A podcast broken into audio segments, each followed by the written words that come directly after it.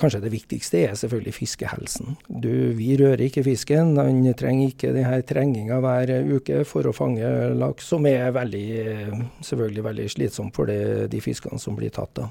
Et hyperspektralt kamera skal sørge for at oppdretterne kan slutte å telle lakselus for hånd. Det er iallfall det daglig leder Ivar Erdal i selskapet Ekoton håper vil skje i nærmeste fremtid. Dette er Tekfisk, podkasten om teknologi og forskning i sjømatnæringa. Jeg heter Kjersti Kvile, og nå skal du høre mer om gründerselskapet som får sine første pilotanlegg i sjøen i disse dager. Ivar Erdal. Spectralize er en automatisk luseteller med en hyperspektral kamerateknologi. Hva betyr det? Det betyr at uh, det er et uh, kamera som registrerer alle lysets farger i reflekterende lys. Eh, fra et objekt, så måler vi eh, alle fargene i visuelt område, og også intensiteten på de fargene.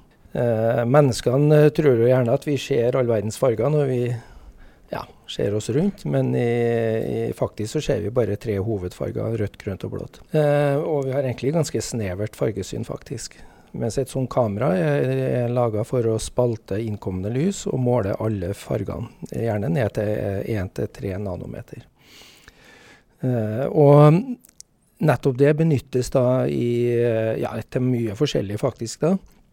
Eh, I vårt tilfelle så benytter vi det da til å under vann observere forskjellige uh, ja, arter på bunnen, rørledningsinspeksjon osv., hvor vi da gjennom det her fargespekteret kan mer eller mindre automatisk detektere det vi ser på. Og hva kan det brukes til i oppdrettsbransjen, da? Ja, i oppdrettsbransjen. Det er et veldig eh, interessant spørsmål. Vi, for eh, jeg tror det er snart tre år siden, eller kanskje litt mer enn det, så kom det noen bort og spurte på en mottagelse om at eh, det her kameraet deres Dere kunne ikke bruke det til å se på lakselus, spurte jeg. Og uh, vi hadde jo allerede da vært litt inne på å uh, se på oppdrettsnæringa, altså kartlegge havbunnen. Uh, for fauna og, og miljøpåvirkning, selvfølgelig. Men eh, vi må innrømme at vi hadde ikke tenkt akkurat den tanken. Men vi kasta oss på eh, ideen og um, kom i dialog med FHF. Og de var veldig positive, og vi starta relativt kjapt et første prosjekt.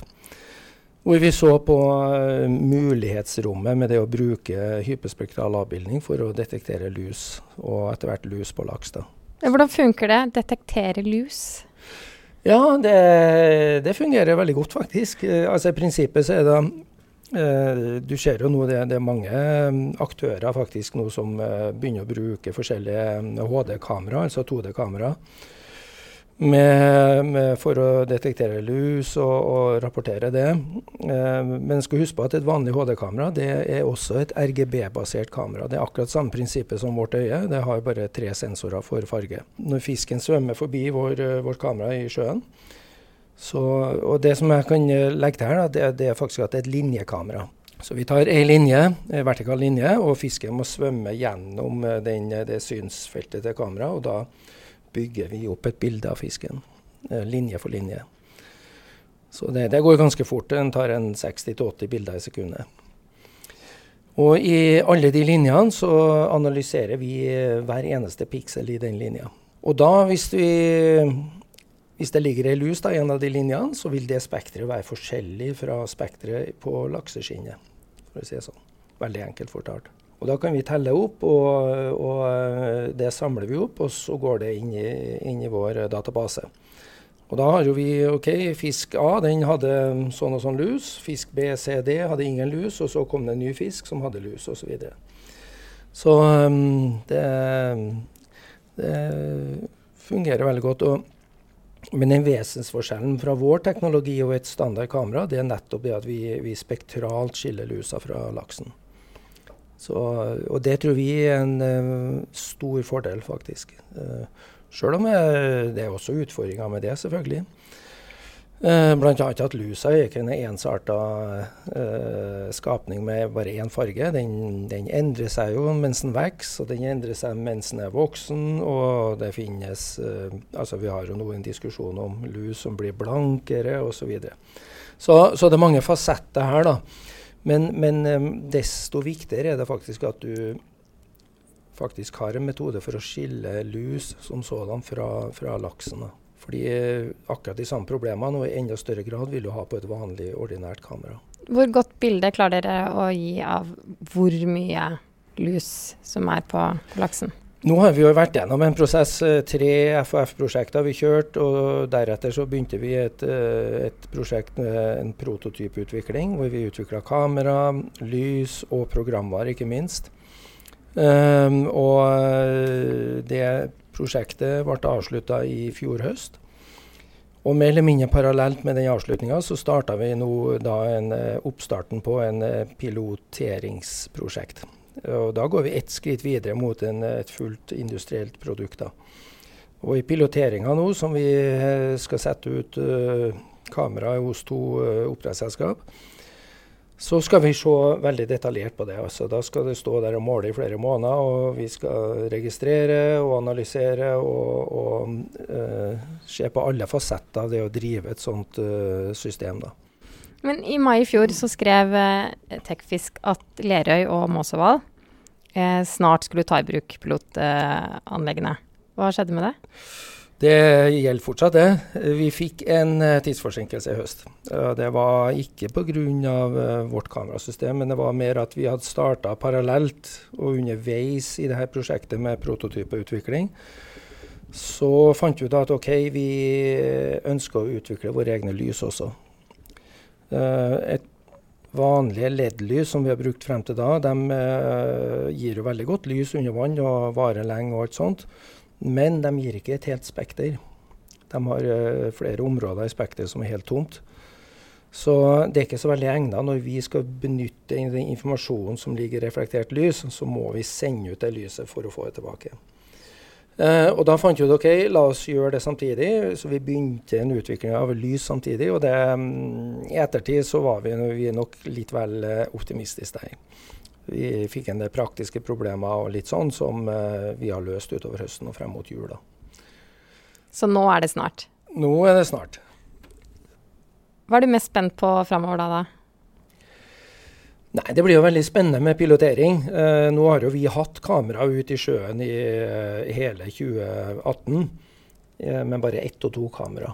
Sett litt på ett anlegg og så litt sånn, og, men nå vil vi få ut åtte kamera og mye større tyngde med data og flere forskjellige anlegg osv. Så, videre. så eh, vi er veldig spent på å se på den operative delen av det, selvfølgelig. Selv om vi har en del erfaring allerede. Så er jo det med Eh, hvor skal det stå i merda? Hvor dypt skal det stå? Skal det være nordvendt, sørvendt? Eh, hvordan fungerer tellinga på dagtid kontra natt og høst kontra sommer og vinter osv. Så, så det blir en veldig verdifull eh, periode for oss. Og også selvfølgelig skal vi bruke de data til det å tune modellene hvor vi skiller lus fra laks. For, for det er ikke optimalisert ennå. Det, her er det, en, det er nok en, et arbeid som kommer til å pågå i, i mange år framover, antageligvis. Når kan oppdretterne helt slutte å telle lus manuelt, da? Ja, det er jo 1000 kroner-spørsmålet. Jeg tror nok de Det er jo regulatorisk det her, selvfølgelig, så det vil jo til slutt Mattilsynet bestemme eh, sammen med de leverandørene, altså Ekoton og andre, som kommer med produkter. da. Hvis jeg skulle gjette, så tror jeg nok det ligger en eh, tre-fire år frem i tid. Kanskje kortere. Men eh, jeg tror de første systemene, i hvert fall fra Ekoton, vil være tilgjengelig ved slutten av 19 og starten av 20. Hvilken betydning har det for næringa da? Eh, vi konsentrerer oss i Ekoton med vårt produkt om det å kunne få pålitelige telletall. Eh, både mye bedre statistikk, kontinuerlige tall hvert eneste døgn, som vil være særdeles viktig uh, for å kunne be bedømme hvordan situasjonen er i hvert anlegg og i hver eneste merd. Uh, I tillegg så vil vi jo Det vil jo bli en helt annen statistikk, som sagt, men, men også f.eks. For her fordeling av lus på laks. Hvor mange laks har, uh, har f.eks. én lus, hvor mange har to lus, hvor mange har fem, hvor mange har 25. Det der finnes det veldig dårlige eh, tall på i dag. Men eh, med, med, vårt system så vil vi kunne eh, bygge opp statistikk på det også. Og, og da får du et helt annet verktøy når det gjelder f.eks. det å vurdere avlusning. Hvordan er det før, og hvordan er det etter, og hvordan er fordelinga av lus uh, etter at du har gjort en avlusning f.eks. Så uh, jeg tror det vil være vært veldig stor hjelp for oppdretterne selvfølgelig i den praktiske hverdagen. Du slipper å være ute hver mandag for å, for å, gjøre telling, og derpå følgende sitte dagen etter og vurdere det her og, og gjøre tiltak. Uh, så bare den manuelle operasjonen der er jo noe du vil bli kvitt. Uh, kanskje det viktigste er selvfølgelig fiskehelsen. Du, vi rører ikke fisken. Han trenger ikke denne trenginga hver uke for å fange laks og bedøvelse osv., som er veldig, selvfølgelig veldig slitsomt for det, de fiskene som blir tatt, da. spesielt på vinterstid. Så både tellemessig og, og fiskehelsemessig, men også operativt, så tror jeg det her vil være veldig, bli veldig godt mottatt i næringa. Det er i hvert fall den tilbakemeldinga vi får fra oppdretterne vi snakker med. Dere har jo ganske mange konkurrenter. Hvordan skal oppdretterne klare å manøvrere i, i alt det som er under utvikling nå? Nei, det, der, det, er jo en klassisk eh, si, en salgsjobb fra hvert selskap. Jeg må ut og vise hva man har å tilby, og hvilke eh, produkt man har, og hvilke løsninger en har kommet frem til, og fortreffeligheten av det. Så, så vil jo eh, det si seg sjøl etter hvert hvilke selskap og hvilke produkter som vinner frem. Da.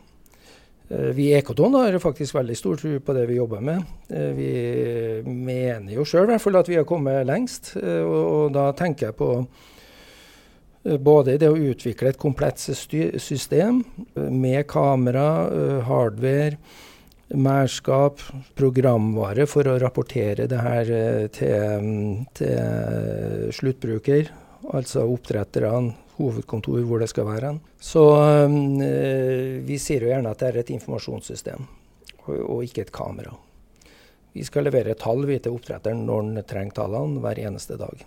Uh, han skal ikke bry seg om, om, det, om kamera og oppheng og alt det der, det skal vi ta oss av.